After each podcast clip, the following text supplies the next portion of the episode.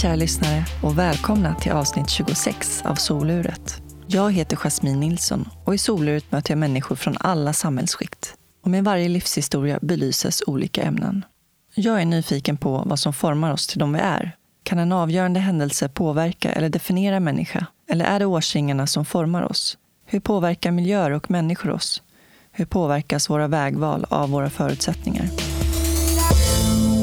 Dagens intervju spelades in i Dieselverkstaden i Stockholm. Min huvudsamarbetspartner är det internationella hjälpmedelsföretaget Invacare.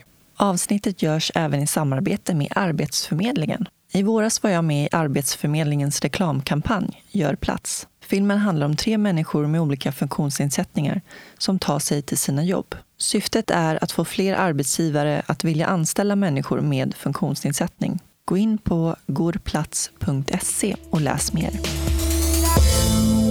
Idag får ni möta Anna Bergholtz. Anna är utbildad journalist, socialpedagog och diplomerad coach. Hon blev känd som Blind Chick efter sin medverkan som krönikör och sidekick i Morgonpasset i P3. Och hon sägs också vara Sveriges första blindrecensent. En av hennes hjärtefrågor är medias bild av personer med funktionsnedsättning. Här kommer Anna. Du är ju van vid att prata i mickar, det märker man. Ja, nej men det... Du vet hur viktigt och avgörande det är. det... Ja, ta med nycklarna. Ja, ta med nycklarna. Lås in oss bara. det är svårt, eller inte lätt, att eh, få folk att sitta nära micken i Nej, mörkret. det förstår jag verkligen. Ja. Ja, man vill ju inte att gästen ska känna sig obekväm heller Nej. att hålla på och tjata om det hela tiden. Precis. För de vi har ju sån här, eh, du vet som de har på radion, sån här nät framför. Ja. Så att eh, det är inte, man vill ju inte att de ska dunka, men det är ju ofta de slår i ju. Men Ja. det blir också lite kul. Alltså det låter jag vara kvar för att Med tanke på att det är ett... det, är- det är ju Mörkt, mörkret, det är ju inte deras vardag liksom. Så att, ska jag ta lite kaffe? Ta lite kaffe, det ska jag Mm. också göra. Jag kan inte hälla kaffe på dina fina mikrofoner. Och då är din skinnjacka på. Ja. Jag tycker den prasslar. Jag tänker, låter det mycket tror du?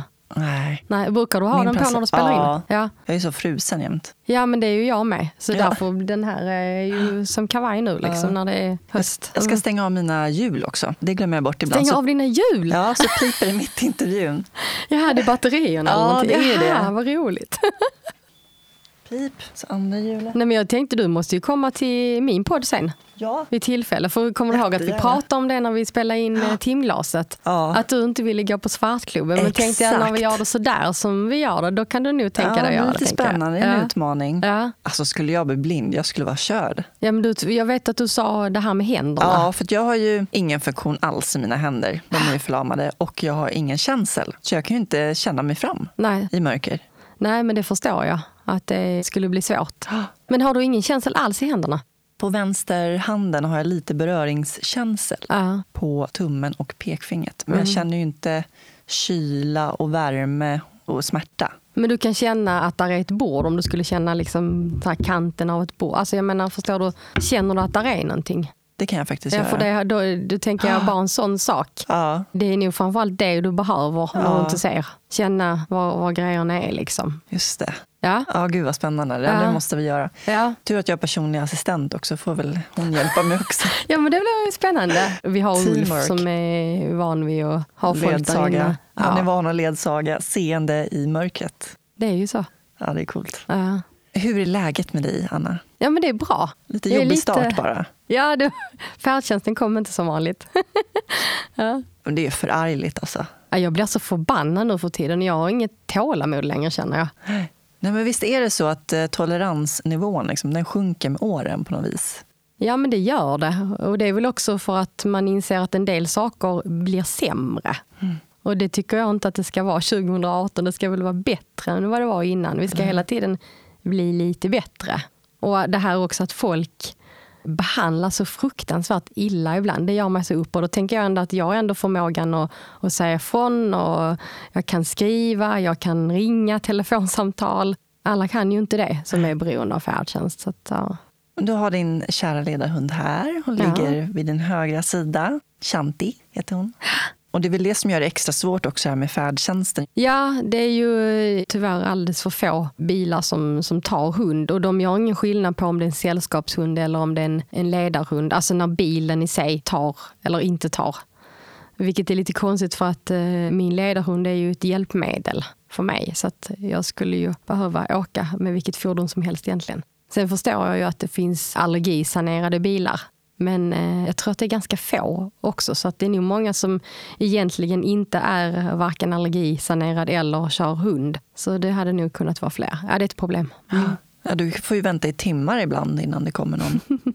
ja, en gång åkte jag hemifrån och eh, när jag eh, kom tillbaks hem då kom inte färdtjänsten varken dit eh, där jag skulle eller hem igen. Så att när jag kom hem efter tre timmar då kör färdtjänsten in på gatan som skulle hämtat mig tre timmar mm. tidigare.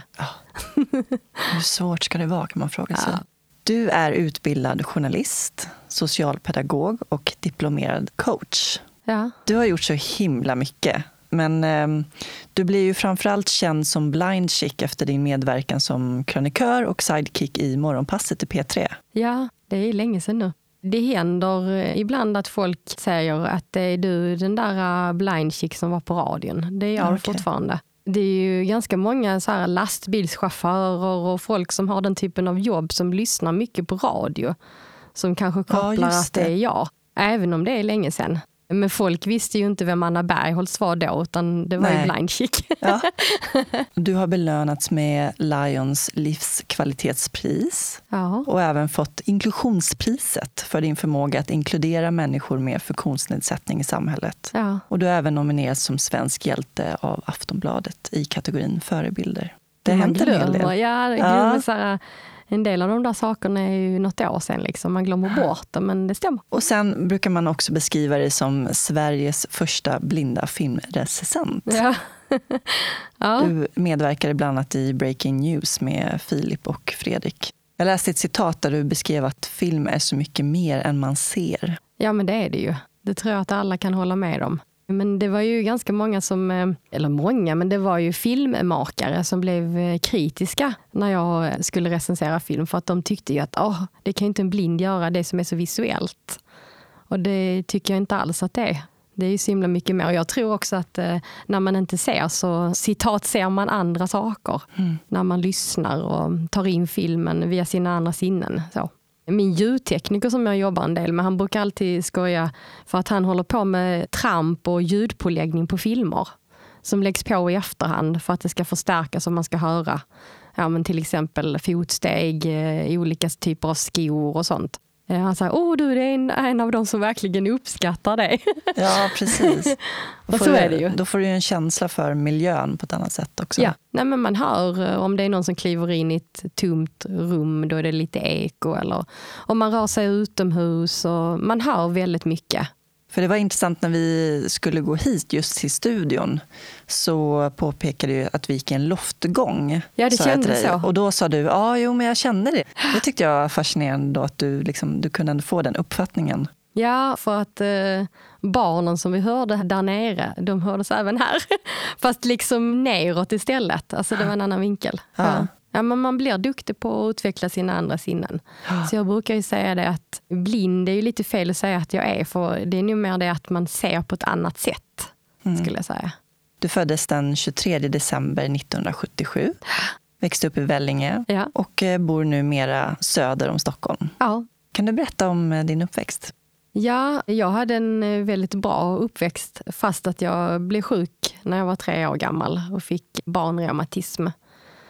Så jag var mycket på sjukhus i Lund, så det lite ironiska, komiska eller vad man ska säga var att jag är född i byggnaden mitt emot barnreumatologen som fanns på den tiden. Där jag liksom skulle komma till att tillbringa väldigt mycket tid framöver. Och eh, där eh, var jag en del och spenderade min tid. Annars så var jag en så barn som jag tyckte om skolan, jag tyckte om att vara med kompisar. Och, ja, vi hade det väldigt bra. Det var en bra uppväxt. Kan du berätta om den första tiden där när du eh, fick reumatism? Mamma skulle ta på mig sån här mockasiner som det hette på den tiden. Eller så plastisock eller något Mm, sånt just där. Du vet vad jag menar. yes. ja. Eh, Och då, då klagade jag på att det gjorde ont och det gjorde jag nog innan jag liksom var tre år gammal och mamma tyckte men det gör väl inte ont och sådär. Hon förstod väl inte riktigt.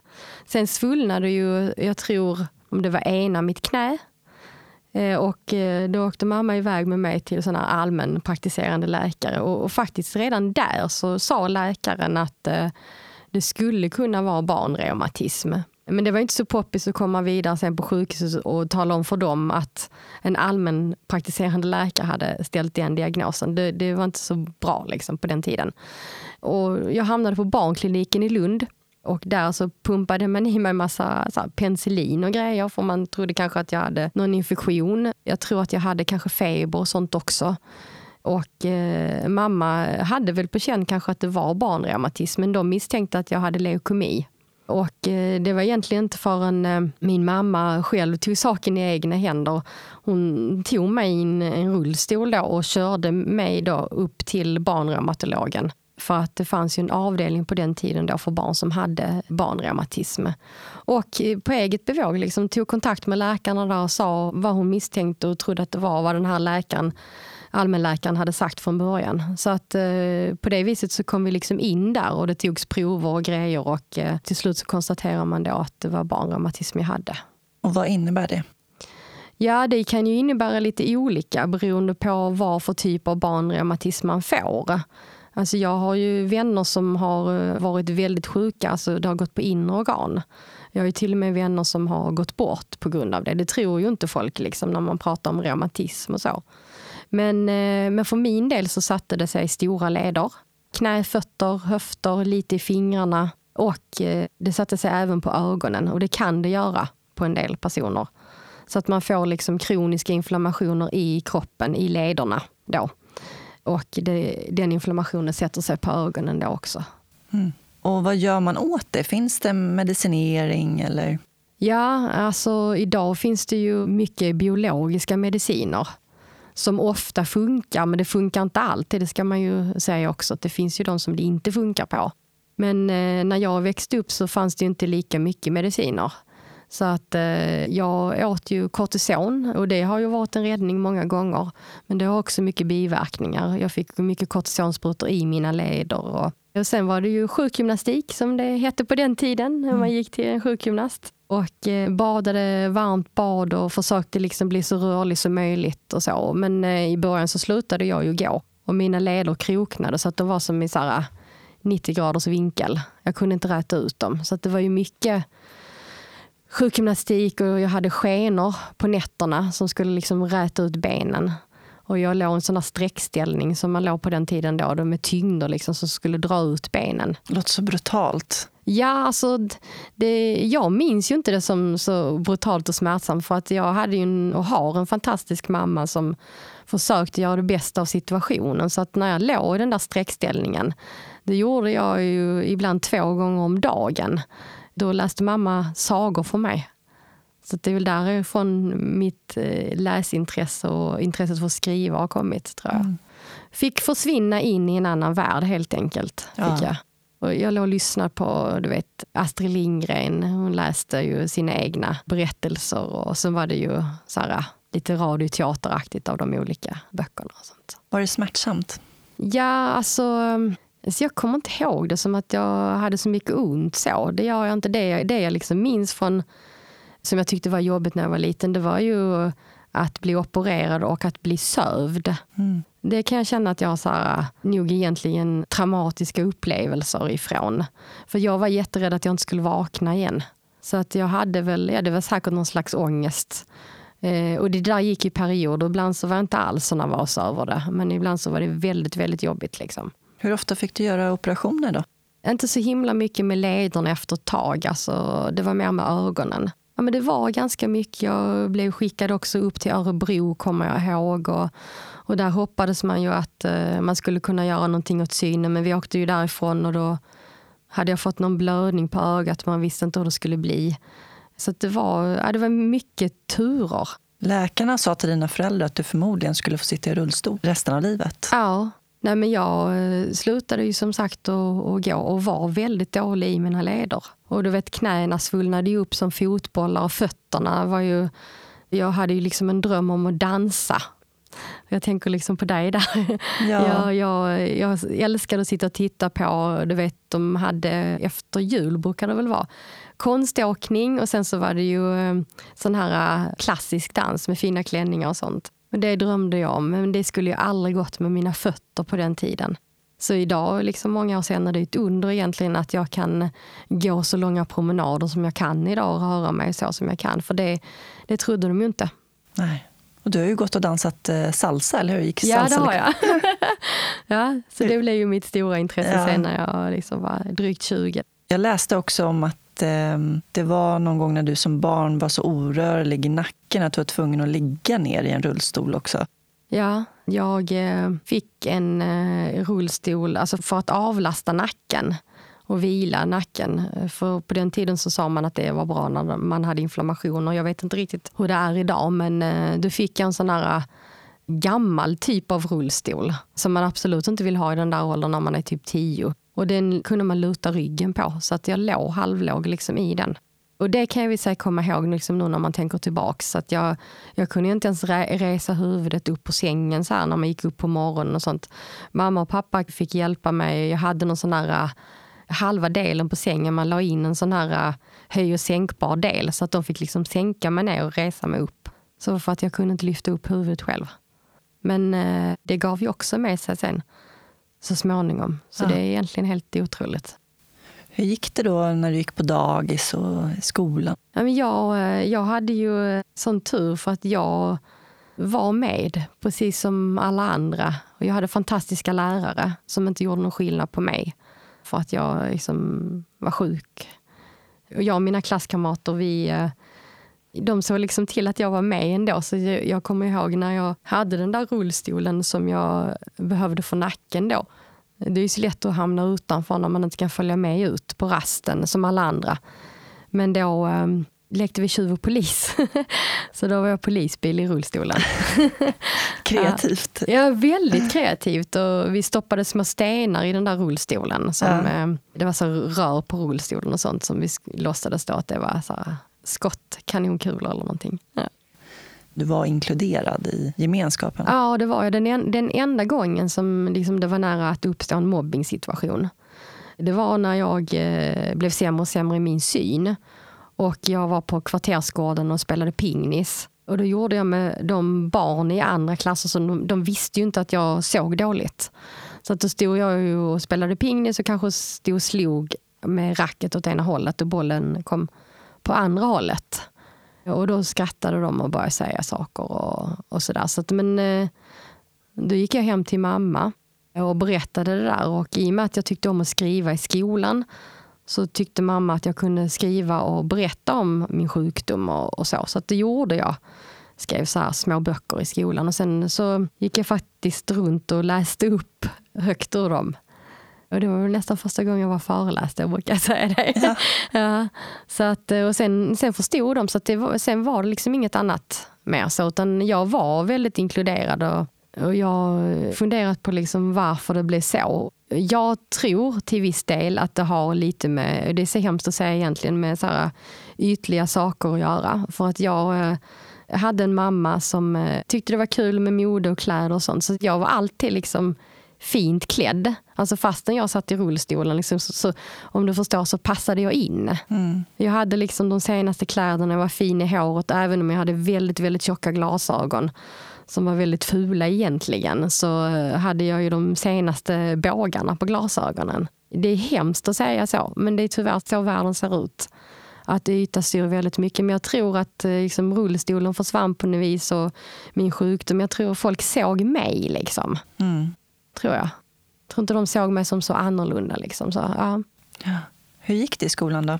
Ja, men det gick bra. Jag, jag har nog alltid fått jobba ganska hårt. Jag är inte en sån person liksom som har haft så här superlätt att lära. Eh, det har varit mer lätt för språk och sånt men eh, jag har alltid fått plugga mycket. Men jag tyckte det var kul. Tyckte om att lära mig. Jag är nog en av få som kan sakna skoltiden. till och med högstadiet. Liksom. Jag tyckte att det hade sin charm. Och det, allting var ju så nytt när man var ung. Liksom. Det, det var kul att börja gymnasiet. Och, Vad gick ja. det för gymnasium? Samhällsvetenskaplig. Mm. Inget mer spännande än så. ja. Men eh, efter gymnasiet, ja. hur såg framtidsplanerna ut då?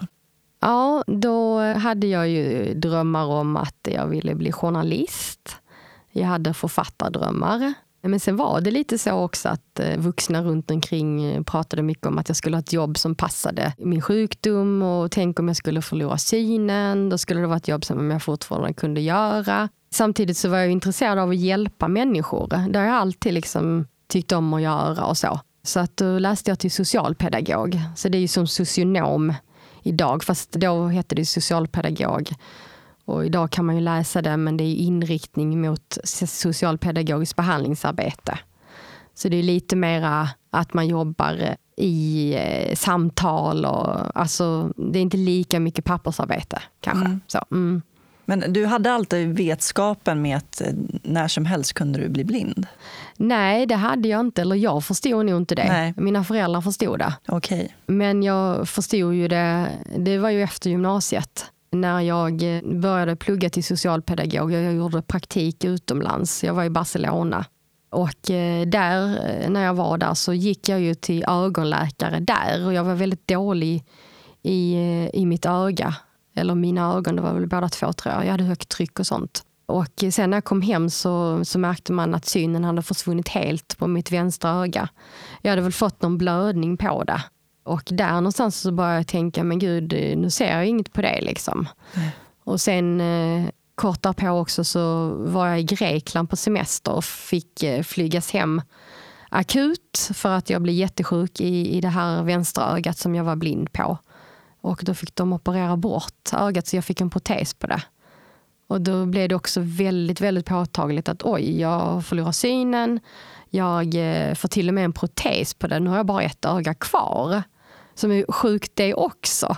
Vad händer liksom om synen försvinner på det med? Man, vi har ju bara två ögon, då blir jag ju blind. Mm. Och jag kände ju ingen som var blind, så det, det var ju mycket tankar och jag var ganska deprimerad den sommaren när jag fick ta bort mitt öga. Ja, det är såklart, det blir en sorg. Ja, och också i det skedet så var det en sorg, men det var också en... Eh, att jag visste ju inte. Jag Nej. hade den här uh, ovissheten. Ja, just det. Det är plågsamt. Väldigt plågsamt. Jag tror nästan att det är det värsta, många gånger. Ja. Började du föreställa dig hur det skulle vara att vara blind då? Ja, alltså jag måste ha gjort det någonstans ändå för att, eh, och känt på mig, tror jag framför allt. Att jag kände nog liksom att det var på väg dit. För att eh, för första gången då så började jag läsa tidningen som kom lite då och då från Synskadades riksförbund. Jag hade ju tänkt innan att jag är ju inte som dem. Mm. Det här uh, ganska klassiska att man uh, tänker mycket vi och dem och de blinda är så och jag är inte sån. Och, mycket föreställningar. Och jag tog också kontakt med en kvinna. Jag bodde i Malmö på den här tiden och då tog jag kontakt med en kvinna som jag vet var ute och föreläste om hur det var att ha en synnedsättning. Och hon var blind tror jag. Jag tror hon var helt blind och hon eh, tog med mig så att jag var med henne. Och det var väldigt, väldigt bra att se liksom hur faktiskt självständig hon ändå var. Ja, det är, förebilder är livsviktigt många gånger. Ja, det är, det är så avgörande. Ja, ja, jag tycker det. För mig har det varit det. Liksom. Ja, för mig också. Alltså just att, ja, men jag kunde ju inte föreställa mig ett liv i rullstol. Det fanns ju inte på kartan. Och sen när jag väl fick träffa en person som hade levt med en ryggmärgsskada en längre period, då, det var ju verkligen så här, åh, det går att leva ett liv. Ja, jag flyttade ju upp till Stockholm sen. Och där träffade jag två personer som betydde extra mycket. Och de hade ju också förlorat synen i ung ålder. Jag tror också de kunde jag så identifiera mig med på något vis också. För den ena killen han var så här, snygg, cool kille som spelade trum, han var trum i sitt band. Och den andra tjejen hon var en väldigt aktiv person som reste mycket. Och det var en sån sak som jag tyckte om att göra och ville göra. Liksom. Så att jag såg att de levde ju vanliga liv. Precis. Och det är också viktigt att kunna identifiera sig. Ja. Du blev av med ena ögat först. Ja. Och det följde en jobbig period när du kände dig deprimerad och sådär. Ja. Hur tog du dig ur den perioden? Jag tror att eh, det var mycket att jag eh, öppnade den där tidningen från Synskadades riksförbund. Och då hade jag precis tagit min examen till socialpedagog så jag skulle ju faktiskt börja leta jobb. Då sökte jag till eh, ett traineeprogram som de hade. Och det var första traineeprogrammet som man hade i Sverige då inom så här ideell sektor. Och då var vi tio stycken med synnedsättning som skulle eh, så här, lära oss att jobba med intressepolitik för personer med synnedsättning. Så det var mycket praktik och teori och jobba mycket med media var det för min del. Jag flyttade upp till Stockholm. Jag var ganska deprimerad eh, i början när jag kom upp. Den vintern var ganska jobbig men sen när liksom jobbet började efter julen så eh, då liksom, jag tyckte det var jättekul. Det Ja, vände det liksom. Att Mm. man får en sysselsättning. Man finns i ett sammanhang och liksom gör någonting tror jag är jätteviktigt. Ja, jag tror verkligen det. Ja. Och jag tänker också att eh, jag var ju där på det här traineeprogrammet. Det var ju anställd på Synskadades riksförbund när jag blev blind sen. Och eh, jag tror att jag var på alldeles rätt ställe då. Mm. För att eh, de visste vad det innebar, många av dem. För många av dem hade ju gått igenom samma sak. Och eh, jag kände också att eh, ja, men det går ju att jobba ändå. Och jag kunde ju fråga folk runt omkring mig hur de gjorde och sånt. Så att, eh, och jag kände mig behövd. Precis. Hur lång tid efter att du förlorade synen i första ögat där, vart du helt blind? Jag fick ta bort mitt vänstra öga och fick protes. Det var 2000, måste tänka här nu, 2000 på sommaren. Och så flyttade jag till Stockholm samma år. Och sen 2002, så det var väl två år nästan, som jag fortfarande kunde se. Och sen gick det väldigt, väldigt fort. Och då var du 24 år när du förlorade Ja. synen helt. Och det var på sommaren. Alltså jag märkte det redan på våren. Eh, Jag och en kompis vi åkte till Thailand. Och jag kommer ihåg att jag läste Harry Potter-boken. Så här inbunden bok med ganska stor stil. Men jag märkte alltså från dag till dag hur de där bokstäverna blev allt suddigare. Och sen när jag kom hem så var det väldigt mycket fram och tillbaka till läkaren på ögonsjukhuset här i Stockholm, Sankt Eriks.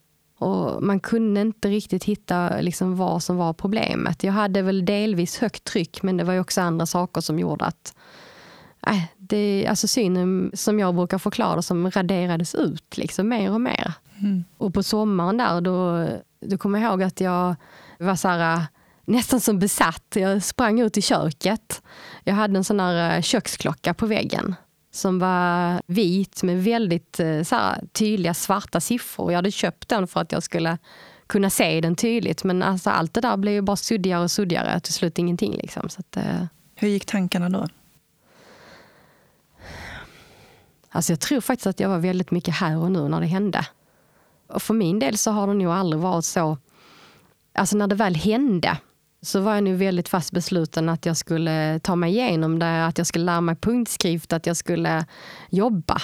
Jobba, jobba. Alltså det, är liksom, det har drivit mig många gånger. Jag har alltid trivts med mitt jobb. Jag tyckte om att gå i skolan och sådär.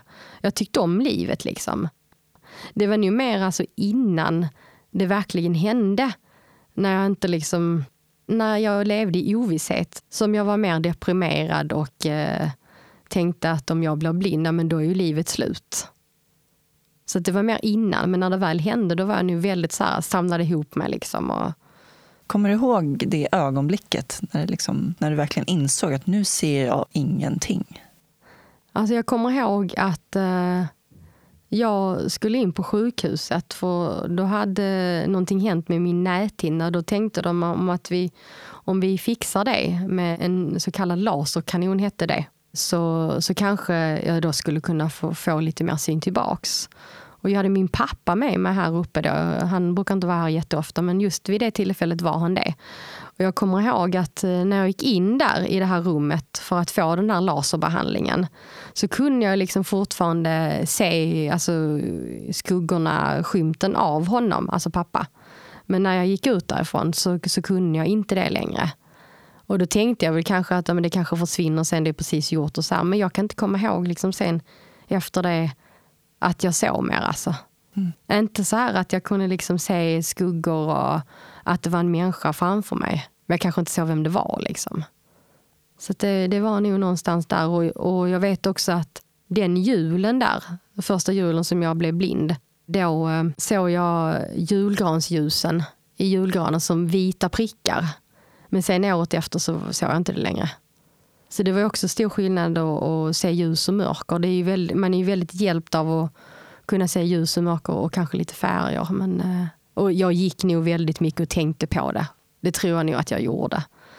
Jag kommer inte ihåg. Alltså så, men, jag, men visst gjorde jag det eftersom jag sprang ut och kollade på köksklockan och mm. jämförde hela tiden. För det var verkligen så att jag kunde se skillnad. Och jag kände på mig, alltså det går inte längre. Jag minns också att jag på nyårsaftonen, ja, men någon månad innan jag åkte till Thailand och jag märkte hur synen försvann. Ja, men redan där, jag vet att jag stannade kvar ute när kompisarna gick in och vi var på fest. Och jag vet att jag, jag tror att jag ringde till mamma. Jag vet inte om jag sa det till mamma eller om jag bara tänkte det, men jag tänkte att jag kommer inte se nyårsraketerna nästa år. Nej. Jag kommer nog bara höra dem. Så att ja, det var så här, jag, jag kan liksom fortfarande komma ihåg det. Usch ja. Hur känns det att, att, prata om det så här? Ja. ja det blir lite jobbigt när man börjar tänka tillbaks. Ja, förstår det. Jag tänker för sjutton vad man har gått igenom egentligen.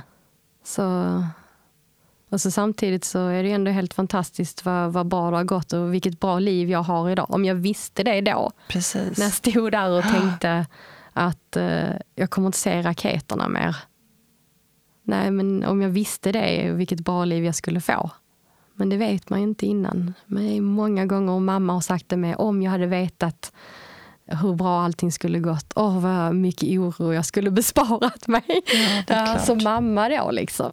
Men det är ju sorg också. Det är klart mm. att det är sorg och det kommer ju ibland. Det gör det säkert för dig också. Ja. Och det är ju väldigt frustrerande när färdtjänsten inte kommer och man tänker att ah, hade jag sett så hade jag liksom tagit tunnelbanan eller kanske haft en bil och kunnat köra. Och, ja, och man märker att man blir annorlunda behandlad. Precis. Men då fick du anpassa dig till en ny värld som blind. Ja. Hur var det? Alltså det gick ganska fort, faktiskt. Alltså, till att börja med så vill jag inte gå någon rehabilitering. Det är ju lite komiskt nu kan jag tänka efteråt. Jag kände ju folk som var blinda, så jag kunde ju fråga dem. Mm. lite så. Eh, men det där måste man ju känna sig redo för själv. Att gå en rehabilitering och så. Däremot så var jag ju ganska tidig med att lära mig punktskrift. Det gjorde jag ju väldigt snabbt in på att jag förlorade synen. Och var väldigt motiverad eftersom jag älskar att läsa och skriva och insåg att jag behöver lära mig punktskrift. Och hur är det? Är det svårt? Ja men det var ju det. Alltså gud, det, man satt ju, vi var några stycken som gick punktskriftutbildning och i början så satt man ju, man kunde sitta en hel dag för att försöka tyda en bokstav. Mm. Men sen gick ju veckorna och plötsligt så blev ju de där äh, prickarna till ord och meningar. Och, så jag är så himla tacksam att jag har lärt mig det. Det mm. finns ju en del som inte gör det och det är ju en del som tycker att det funkar ändå. Men med det jag jobbar med och gör idag, alltså jag tänker jag ledde en stor konferens igår som moderator. Vad skulle jag göra utan punktskriften? Och sen finns det ju fördelar med det. Jag kan stå och läsa och titta på publiken samtidigt. så att, eh, Exakt. Och podden eh, som vi gör i mörkret. Jag har ju lite manus och frågor på punktskrift där inne. Ja, just det. så att, eh, Upplever du som att du kan läsa lika snabbt som du gjorde som seende? Nej, absolut inte. Nej. Jag var snabb att läsa med ögonen. Jag var en sån mm. som skummade tjoff, snabbt, mm. även om jag såg väldigt dåligt. Och jag tror att det är, är man vuxenblind så tror jag det är väldigt svårt att få upp hastigheten om man inte övar väldigt, väldigt mycket. Men jag känner inte att jag har det behovet av att läsa fort utan jag behöver det liksom som ett stöd i vardagen. För manus och jag märker upp eh, kryddor och ja, innan så märkte jag upp CD-skivor och, och filmer och sånt där liksom. Men det har man inte så mycket sånt. Jag befinner mig hos min samarbetspartner Invacare och vem är det jag har framför mig här idag? Jag heter Jan Bebenek och jag är produktspecialist och jobbar med aktiva rullstolar. Du har ju lång erfarenhet av att eh, jobba med rehabilitering. Ja, jag har ju jobbat mycket med personer med ryggmärgsskador på ett eh, rehabiliteringsavdelning på Karolinska sjukhuset. Där har jag jobbat innan jag började jobba på Invacare. Ni har nyligen varit på en mässa Ja, vi har kommit igår från mässan i Örebro. Där har vi visat alla våra produkter som vi har på Invacare. Och det har varit spännande två dagar med många besökare i våra monter. Intressanta samtal med förskrivarna och brukarna. Så nu är det bara att ladda inför nästa mässa 22 och 23 januari i Göteborg, Fokus hjälpmedelsmässa. Vad är det bästa med ditt jobb? Det är att kunna träffa brukarna och hjälpa dem vid val av den eh, rätta rullstolen. Oftast en eh, rätt anpassad rullstol gör jättestor skillnad. Och om man kan hitta den perfekta stolen för en person, då blir man glad. Tack så mycket för att jag fick prata med dig. Ja, tack. Det är alltid trevligt att prata med dig. Hur fungerar samhället i stort när man inte kan se någonting? Ja, samhället är ju inte byggt efter eh, människor som inte kan se, utan samhället är ju byggt efter normen, det vet ju du med. Ja. Och normen är ju inte du eller jag. Liksom. Nej. Men jag tycker att eh, många saker blir bättre, men en del saker blir också sämre. Jag tycker att det är mycket, mycket bättre att ta sig runt med ledarhund nu än vad det var för något år sedan. För att eh, jag fick mycket nej när jag skulle gå in i affärer och på restauranger förut. Det händer inte lika ofta längre. Folk har en annan kunskap. Jag tänker också att eh, den yngre generationen känns som att de är mer öppna. Alltså för dem är det ganska så givet att, ah, vad jobbar du med? Den äldre generationen, de, oj, jobbar du? Vad duktig du är. Liksom. Ja. Ja, precis. Känner du igen det? Japp. Det är fortfarande, jag menar i Sverige, det är fortfarande väldigt mycket som är otillgängligt. Jag var ju nyligen på Hawaii, som du också har varit Ja. Ja. Och jag tänkte att även om, om de eh, har liknande problem, att många står utanför arbetsmarknaden och så, så jag åkte buss och det var jag och det var två andra personer där på bussen som använde rullstol som åkte av och på bussen själv. Det händer, jag har aldrig varit med om det här hemma. Nej. Aldrig. Och det tycker jag det är, alltså, det är en skandal egentligen Ja. i Sverige. Men Sverige är ju tryggt och bra på många sätt. Vi har ju mycket bra grejer med men eh, den fysiska tillgängligheten många gånger är väldigt dålig egentligen. Jag pluggade i Kalifornien och det var ju en avsevärd skillnad när det kom till tillgänglighet. Men de har ju haft den lagen sedan 94 tror jag, Ja. The Disability Act.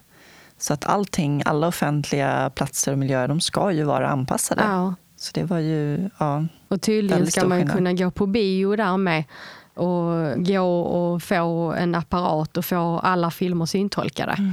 Och det har vi ju fått på senare tid, att man kan ladda ner appar och syntolkning och sånt i sin telefon. Det är ju helt fantastiskt. Det fanns ju inte när jag började recensera Mm. Nej, film till det. exempel.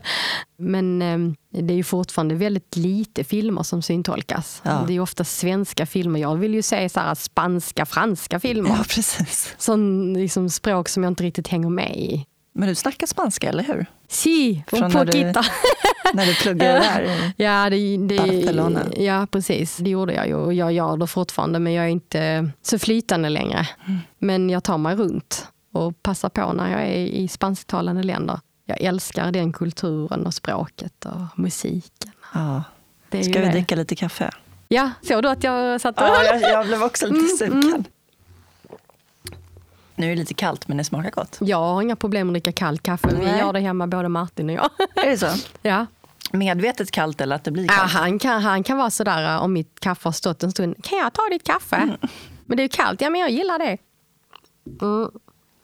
Nej, medvetet är det väl inte för min del. Men jag dricker mycket sån här um, frappe heter det väl här. Ja, precis. Som har i Grekland, frappé.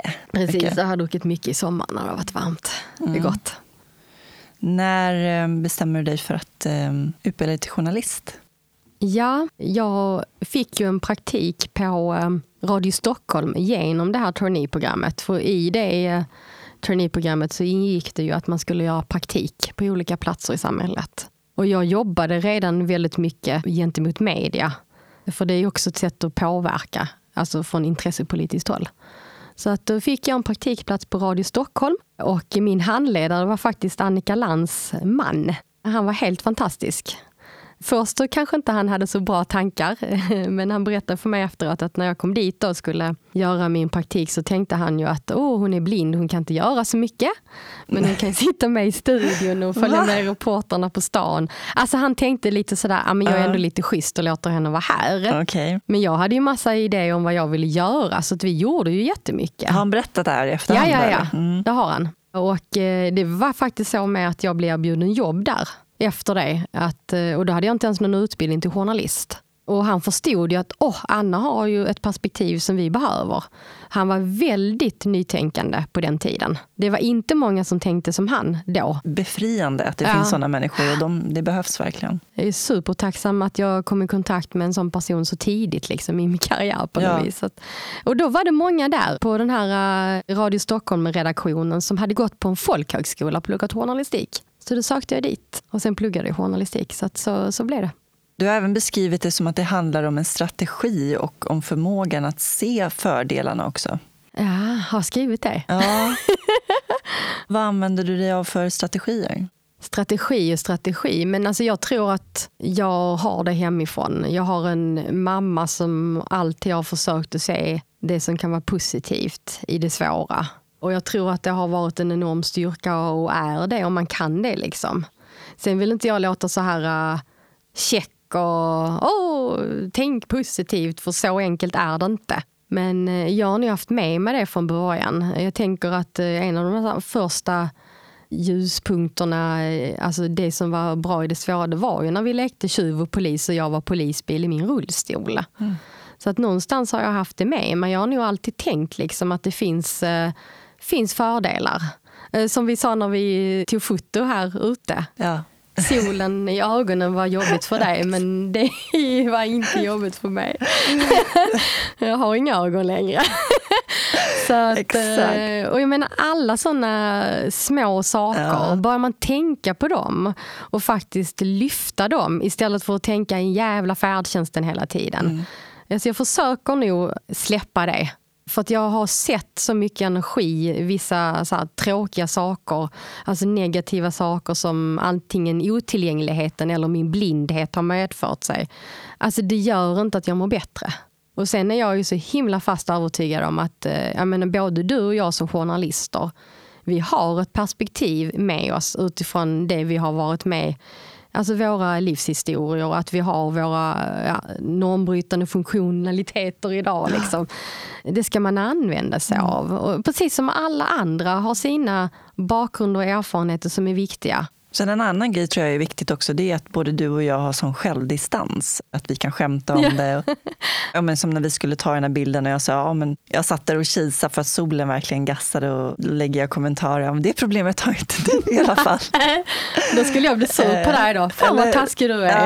Ja, eh, och det är ju för att jag känner dig liksom och vet att du har det. Men eh, om någon annan hade gjort det, hade du varit... Eh, Alltså hade det varit en person som hade sagt det som inte känner mig så skulle jag nog tyckt att det var lite modigt. Det är så svårt att säga, det beror på hur det känns, det beror på min dagsform. Exakt. Har jag haft en sån där pissig dag, jag tycker att alla fokuserar på att jag inte ser och ser Ja. inte mig som Anna. Och det beror nog på lite, jag ska inte säga att jag inte bryr mig om det. För det kan jag nog göra, men eh, jag försöker nog också liksom kunna se på det på ett humoristiskt sätt. Liksom. Jag hade ju självklart velat se igen om jag hade kunnat. Men det är nog ganska omöjligt. Jag har proteser på båda ögonen. Jag tror att det blir väldigt svårt. Man vet aldrig med forskning eller någonting sånt. Men det är inte så att jag går och hoppas och tänker på det. Utan jag lever här och nu och jag tycker att livet är ganska fantastiskt. ja. Så, ja. Sen gjorde du en radiodokumentär. Ja, den heter Mina nya ögon. Nej, men alltså jag tror att eh, jag har nog egentligen alltid varit väldigt fascinerad på något vis av det här med ögonproteser och hur, hur man gör dem. För att när jag fick min första ögonprotes då var det ju en, en man som eh, var äldre som hade tagit den här traditionen att blåsa ögon i glas. Det är ju väldigt fantastiskt hantverk. Och eh, han hade tagit liksom den traditionen hit till Sverige.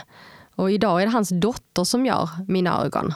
Så att eh, där någonstans så tyckte jag, men gud, de gör ögon åt folk och de var så, och är så, hon är så engagerad i det att man ska göra vackra ögon som på något vis speglar ens själ. och det, det ligger ju mycket i det där. Folk pratar om att... eh, Gud vad ögon- poetiskt. Ja. Så himla fint. Ja, men, och, och så är det nog. Alltså hon eh, är superengagerad i det. Och jag frågade henne i den här dokumentären. Men kan du liksom göra ögon som, som speglar själen? Och hon bara ja. Och det är så mycket annat också. Ansiktsuttryck och leende och allting sånt där liksom, som på något vis går ihop med ögonproteserna. Så det blir ju ändå en person, en människa. Och i den här dokumentären så följde jag ju en kille också som eh, hade tagit det här beslutet att ta bort sitt öga på grund av att han hade väldiga smärtor. Så att eh, jag följde hans resa och eh, det var också en tuff resa för honom. Men apropå det här med att du och jag lever med funktionsnedsättningar och jobbar som journalister. Det är ju också en av dina hjärtefrågor. Ja. Medias bild av personer med funktionsnedsättning. Ja, verkligen. Nej, men det är ju det här med representation och att man ska spegla alla olika typer av människor. Det handlar ju även om människor som eh, fungerar på ett annat sätt, ser ut på ett annat sätt. Det är ju allt. Sexuell läggning och kön och utländsk bakgrund och transpersoner. Och, nej, jag brinner jättemycket för det.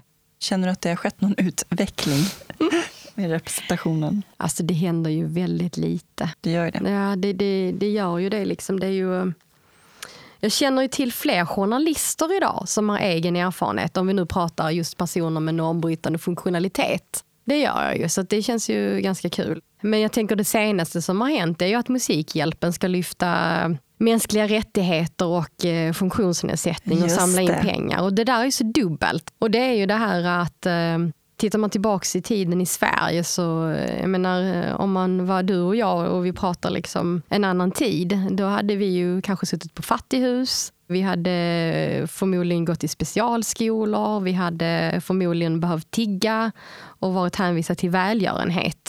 Och det är väl det som på något vis som skaver när man ser att eh, Musikhjälpen då väljer att göra det här. Men det här är ju, vad jag har förstått insamling till andra typer av länder där människor med funktionsnedsättning har ett helt annat liv än vad vi har. Och där kan man ju prata om att eh, man är långt ifrån att leva upp till de mänskliga rättigheterna. Man kanske inte ens eh, får tillgång till att gå i skolan. Och, så att, eh, jag hoppas att de gör det på rätt sätt, Musikhjälpen. Jag hoppas att de tar in rätt kompetens. Jag hoppas att de tar in programledare med egen erfarenhet. För annars känns det inte trovärdigt. Så att det, kan bli bra att lyfta de här frågorna. Men jag vill ju se det till vardags. Jag vill inte att det ska bli en grej då och då. Utan jag vill att man ska se det hela tiden. Man måste hela tiden vara en del av sin funktionsnedsättning. Att Visst. det ska vara en så betydande del av ens identitet Ja. utifrån sett. När man själv känner att det är inte en del av min identitet. Nu har vi ju suttit här och pratat mycket om, om din funktionsnedsättning. Ja. Liksom. Men det är ju Ja. en del av ditt liv och det formar ju ändå en också. Men det är inte det Men man är. Det är inte liksom. det man är. Nej, för jag menar, hade liksom, jag menar, jag jobbar ju mycket med de här frågorna som journalist för att jag brinner för det och jag vill förändra och så här. Och i en period så vill jag absolut inte göra det. Men sen så kände jag liksom, oh, men gud, men alltså jag brinner ju ändå för det här. För det är också sådär eh, lätt att tänka att ah, men det ska inte jag göra då för att, eh, ja. Men, men alltså samtidigt så, så vill jag ju göra andra saker med. Jag har ju andra intressen med.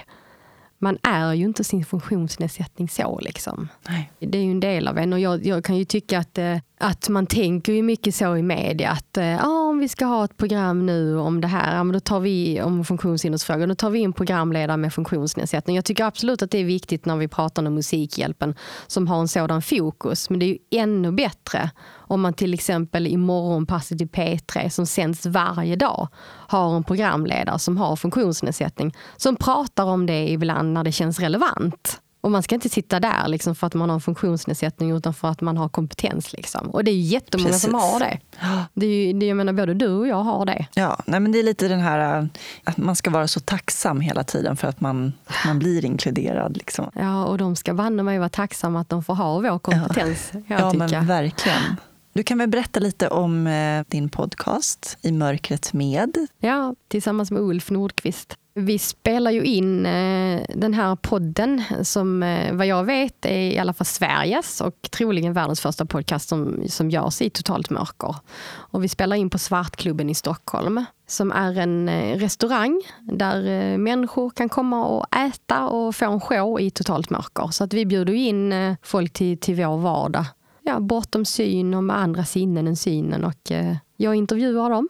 Ja, vi, det händer lite olika saker i, i podden. Ja, men det är det som är så intressant, vad som händer med en människa när de inte ser någonting. Jag har ju gjort många intervjuer inne i mörkret nu och man ser ju ett mönster av att eh, folk tycks slappna av på ett annat sätt. Just det. Och det är jättemånga som har sagt att eh, man fokuserar på frågorna, man är väldigt mycket här och nu. Och det finns ju de som tycker det är lite läskigt också när de kommer in där. Men efter en stund så, så märker jag att de slappnar av. Och det är, det är ett väldans show att klippa det sen för att det blir oftast långa intervjuer. För att det är precis som att folk glömmer bort tid och rum. De bara är. Ja, ja det är Och- fascinerande. Ja, så att eh, det, det är en väldigt bra intervjusituation egentligen.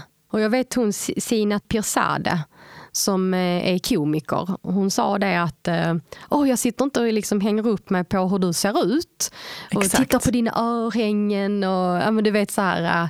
eh, Man hör bara varandras röster. Mm. Nej, men det är fascinerande. Det är, och det tänker jag med, hoppas jag att jag är lite bättre på att vara lyhörd och så i och med att jag inte ser någonting när jag just i mitt jobb och så. Att jag känner in kanske lite mera för att eh, jag kan inte störas av eh, allting som man får via synen och så. Hur är det med ditt eh, synminne? Kan du se liksom bilder framför dig? Ja, alltså om du tänker, du vet om man har varit på semester, alltså när man fotograferade bilder förr och man framkallade. Eller om man tänker så här, om man har varit någonstans på semester och så har man ju väldigt tydliga bilder när man kommer därifrån. Men de blir ju, suddas ju ut mer och mer efter åren som går. Så, om man inte tittar på ett foto och får liksom bilden tillbaks igen. På något vis. Det är väl kanske lite så. Men sen är jag väldigt visuell av mig som person. Så att jag tycker att det är kul att veta eh, hur folk klär sig, hur folk ser ut, eh, hur saker och ting ser ut i samhället, byggnader. Jag målar nu upp bilder i mitt huvud väldigt mycket och sen kanske inte det är den sanna bilden men det är kanske inte så viktigt egentligen. Så jag lär ju aldrig få se den sanna bilden heller. Det är en sån här filosofisk fråga också, vem, Ja. vem sitter inne med den rätta sanningen? Precis. Så det är så kul när, man, när jag är ute och handlar kläder ibland. Så frågar man någon i affären, då, butiksbeträdet, vad är det här för färg? Då kanske någon säger ja det är tomteröd och så säger någon annan nej det är hallonröd. Exakt. Okej, vem har rätt? Ja. ja, men så är det ju. Vi Ja. tolkar ju det vi ser på olika sätt. Ja, vi gör ju det. Berätta om hur du träffade din sambo Martin. Ja. Jag träffade Martin i en hotellbar på Kuba. Jag var där med mina fyra tjejkompisar på semester och han var där på semester och han hade åkt från Kanada. Han började prata med oss där i baren och sen eh, bytte vi kontaktuppgifter och på den tiden så höll man på mycket med så här, eh, MSN hette det va? Chatt. Ja. Så att när jag kom tillbaka till Sverige så hade han skickat ett mail först och sen så chattade vi och chattade mycket. Det gick många timmar åt. Ja, och sen kom han till Sverige och hälsade på oss och, och så var det vi. Och så sen när han fick höra vad jag gjorde och vem jag var och ja. Han, han brukar säga det att eh, äh, de tjejer som han hade liksom träffat förut, de sa alltid eller att de, oh, de skulle göra det här och det här och det här och de gjorde aldrig det. Men då tyckte han att det var så häftigt för att jag var en sån person som liksom, fastän jag hade så här synen emot mig så att säga, så, så gjorde jag ju det jag sa att jag skulle göra. Och jag gjorde ju de sakerna som jag drömde om. Så att, och det får jag nog säga att det, det har jag nog gjort. Liksom. Och det är nog inte liksom att för att jag ska bevisa för omvärlden att jag kan och sådär, utan jag tycker överlag att livet är väldigt roligt. Apropå att göra det man drömmer om. Du är orädd. Du bara Ja, kör. jag, jo men det gör jag nog, men det är inte det att jag inte är orädd heller. Alltså jag, det är jättemånga gånger som jag tänker, gud vad har jag gett mig in på, varför gör jag det? Alltså senast igår, innan jag skulle gå upp och leda den här stora konferensen, så sa jag till min ledsagare, och jag tänker alltid så här, varför gör jag det här? Ja, det gör jag också Känner du igen det? Ja, det och sen när man står där uppe på scen. Det är som att så du gjort någonting annat. Ja, och man går in i en annan roll. Mm. Och så tycker jag det är så fantastiskt roligt. Och det är väl kanske också när man vet att man har gjort det sådär några gånger, så varför ska man inte testa? Och jag gör ju inte saker som jag... Alltså jag gör ju inte sånt som jag inte vill göra. Det gör jag ju inte heller riktigt. Precis. Så, men, men sen tycker jag, jag önskar ju att jag var mera modig. Jag, jag känner några personer som är, de är väldigt så här, de kastar sig ut och går runt med sin ledarhund överallt och sånt. Jag är, jag är väldigt rädd för att slå mig, göra mig illa. Jag tycker inte det är jättekul att gå vilse. Det är inte lika jobbigt längre. Men alltså, där är jag inte så orädd av mig. Men då var det en av tjejerna som sa till mig, för jag bara, åh jag önskar att jag var lite som du, bara kasta mig ut med min ledarhund och så här. Och då sa hon, men Anna, du är ju supermodig som går upp på en scen, hur många gör det? Precis. Så jag tänker att vi har väl olika mod i olika saker vi kanske är tänkt att vi ska göra. Men jag tänker, du har varit ute och föreläst en hel del. Du Mm. gör inte så mycket längre, utan nu är det mer moderatoruppdrag. Ja, jag föreläser ju Mm. fortfarande men eh, Mm. jag modererar mer och mer. Det är Ja. jättekul. Men jag tänker på det, när du pratar om, om mångfald och inkludering och mänskliga rättigheter. Vad är det, tror du, som är så svårt med det? Jag förstår inte. Nej, det gör liksom, inte jag vad- heller. Vad får du för bemötande när du frågar liksom, Ja. vad det största problemet är? Alltså många säger fortfarande att det är okunskap, att de är rädda för det som är annorlunda. Och jag tror att det ligger mycket i det. Jag är ganska säker på eh, att eh, man är rädd för det som man inte har mött förut. För att det handlar också om hur vi är som människor. Det handlar om hur vår hjärna fungerar. Alltså vår hjärna är ju gammal. Den har ju inte uppdaterat sig så himla mycket. Så att när vi möter någonting som är nytt. Jag menar, åker vi alltså till exempel till en plats eh, där vi är de enda som är vita så att säga och ser ut så här eh, europeiska och sånt där eh, Då kommer vi förmodligen bli bemötta av de människor som är där. Alltså på ett annat sätt att de är rädda och kanske inte vill att vi ska vara där och så. För att det är liksom inbyggt i vår hjärna att vi ska försvara oss, att vi ska... Det är så här eh, instinkt att eh, en överlevnadsgrej egentligen. Men blir man medveten om det man kan ju träna allting, så man kan även träna sin hjärna. Så jag själv har på senare år faktiskt aktivt försökt att eh, träffa olika människor. Alltså jag är mycket, mycket mer nu, eh, har mer erfarenhet av att möta människor som har en annan eh, så här, utländsk bakgrund och så än vad jag har. Och liksom annan sexuell läggning och så. Ja, då blir det väldigt naturligt till slut. Det är inte så konstigt, jag har inte så mycket frågor längre. Nyckeln hänger nu mycket på det att eh, vi måste liksom träna oss i att möta det som på så att säga citat är annorlunda. Och vi vet att det är en vinst med mångfald, att vi är olika människor på en arbetsplats. Och det handlar också om personer som har en normbrytande funktionalitet.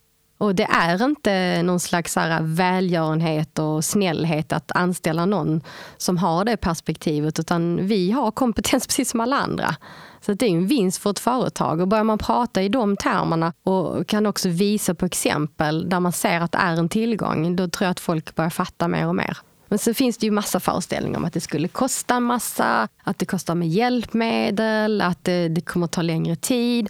Och jag tänker liksom, många gånger kan det vara precis tvärtom. Alltså en arbetsgivare idag vill vi kanske ha någon som är lojal, som stannar kvar. Man tar inte det för givet. Man har en drivkraft också. Ja, och, och det är också så hemskt egentligen. För jag kan känna det, jag har känt det många gånger, att åh, jag måste vara så dubbelt så duktig som alla andra. Ja. Om du känner igen det. Som kvinna också för den delen. Ja, det är också, det ska man ju inte glömma.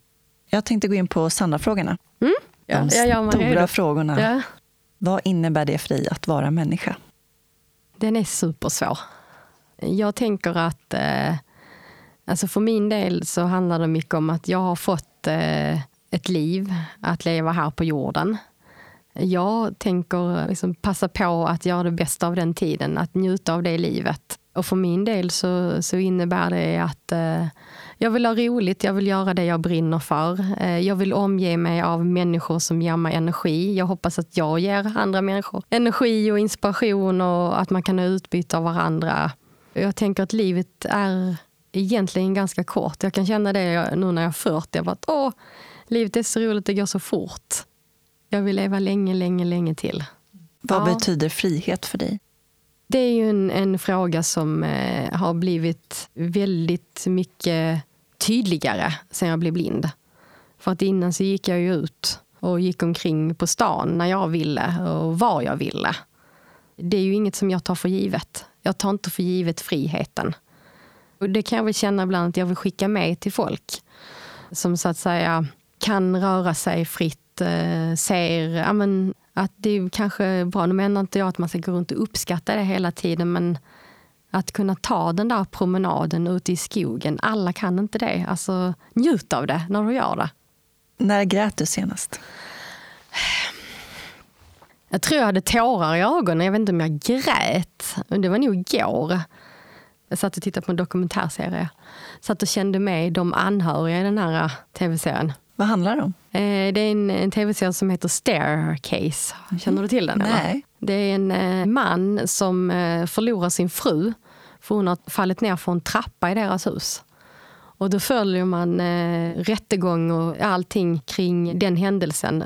För att han blev ju misstänkt för att ha dödat sin fru. Jag ska Hemskt. inte avslöja mer, men eh, det är mycket kring eh, amerikanska rättssystemet och mycket känslor i det. liksom. Och också mycket kring normer och, och vilka uppfattningar människor har. Det drabbar ju inte bara en person när det händer någonting sånt, liksom, utan det är ju väldigt många inblandade runt omkring. Ja, Vad gör dig arg? färdtjänsten.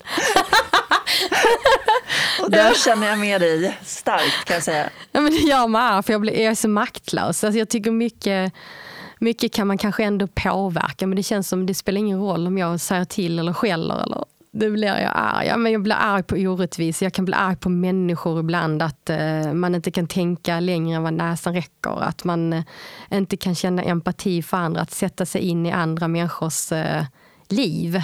Men jag förstår ju att alla kan inte det. Alltså, men det kan göra mig arg ibland. Vad gör dig lycklig? Det är ju allt ifrån eh, livet gör mig lycklig, att få göra det jag gör jobba med det jag gör, att få leva med Martin. Vi har precis byggt ett fritidshus, att få åka ut till landet och vara ute i naturen.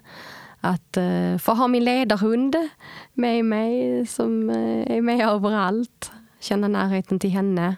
Ja, att läsa gör mig lycklig. Vad drömmer du om? Ja. alltså jag har inte så heller, det är så tråkigt. Jag har ingen så här, åh det här drömmer jag om. Alltså det, det, jag, jag har ju drömmar om saker och ting som jag skulle vilja göra framöver. Men jag har inga så här äh, jättetydliga drömmar. Jag skulle vilja resa mer.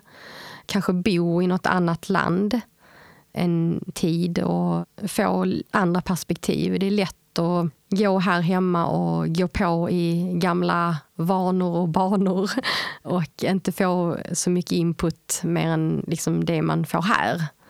Jag drömmer om att skriva fler böcker. Jag har skrivit två böcker. Jag drömmer om att göra mer radio. eh, ja, och sen drömmer och hoppas jag att jag får leva och vara frisk så länge som möjligt och njuta av livet. faktiskt. Det är ingenting heller jag tar för givet. Liksom. Nu är det de snabba frågorna. Oh, ja. Antingen eller-frågor. Kaffe eller te? Te. Gud, alltså det där så jag sitter och dricker kaffe men eh, jag dricker alltid te på morgonen och jag älskar att köpa te. Bok eller film? Bok, definitivt.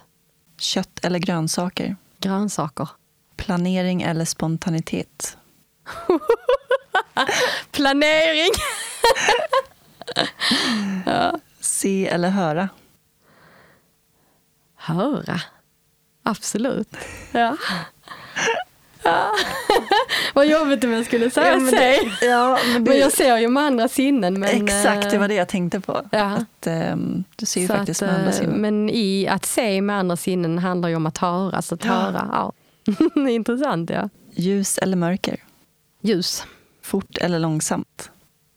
Oh. Och då får man inte säga både och. Eh, Jo, man får det. Det är de som har gjort det. Det är det. Ja, men jag, jag, jag vill ha både och. Jag älskar variation i livet. Mm. Så jag måste ha både stad och land och fort och långsamt. Lyssna eller prata? Jag tycker mer om att lyssna idag tror jag. Faktiskt. Och du jobbar ju med det. Ja, jag gör ju det. Men jag pratar ju också när jag Ja. föreläser. Och det tycker jag också om. Men egentligen så tycker jag nog det intressanta i att föreläsa, det är nog att få prata med människorna efteråt. Ja. Eh, också att liksom utbyta, prata och ja, lyssna på dem, vad de har att säga. Jag får sitta och hålla mig här idag och få ställa frågor till dig.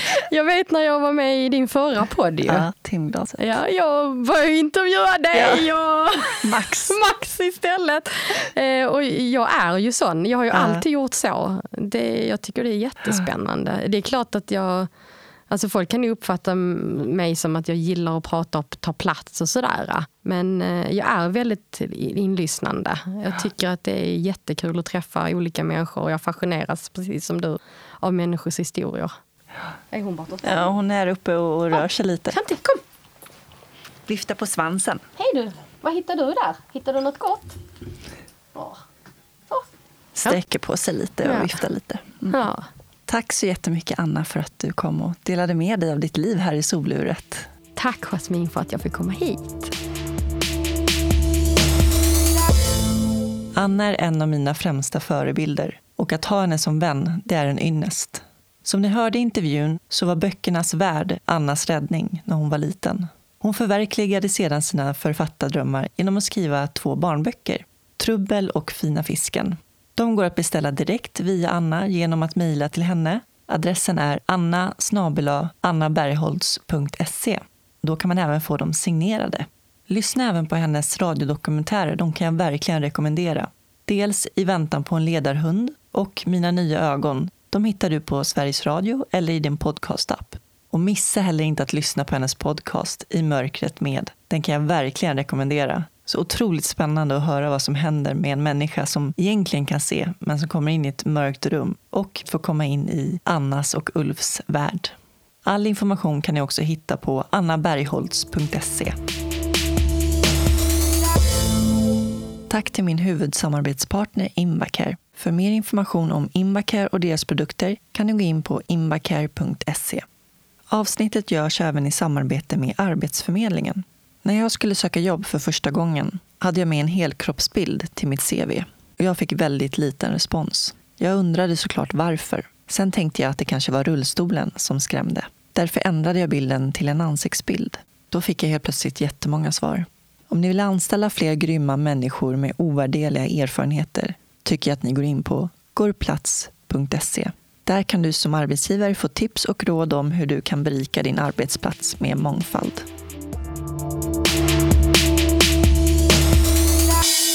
I nästa avsnitt får ni möta Anneli Ståhl. Annelis liv började den 15 september 2008 när hon började på tolvstegsprogrammet. När Anneli var 24 år fick hon besked om att hon hade kronisk leukemi. Förutom leukemin var hon också missbrukare och led av psykisk ohälsa. Idag lever Anneli som nykter alkoholist sedan tio år tillbaka och jobbar med olika projekt med fokus på hälsa, träning, beroende och psykisk hälsa. Hon driver även Beroendepodden där hon möter andra människor som har levt med svåra missbruk. Avsnittet publiceras måndag den 12 november. Med tanke på dagens gäst avslutar jag med ett citat av Stevie Wonder. Att man saknar synförmåga betyder inte att man saknar visioner. Tack så mycket för att ni lyssnade. Puss och kram. Hej då!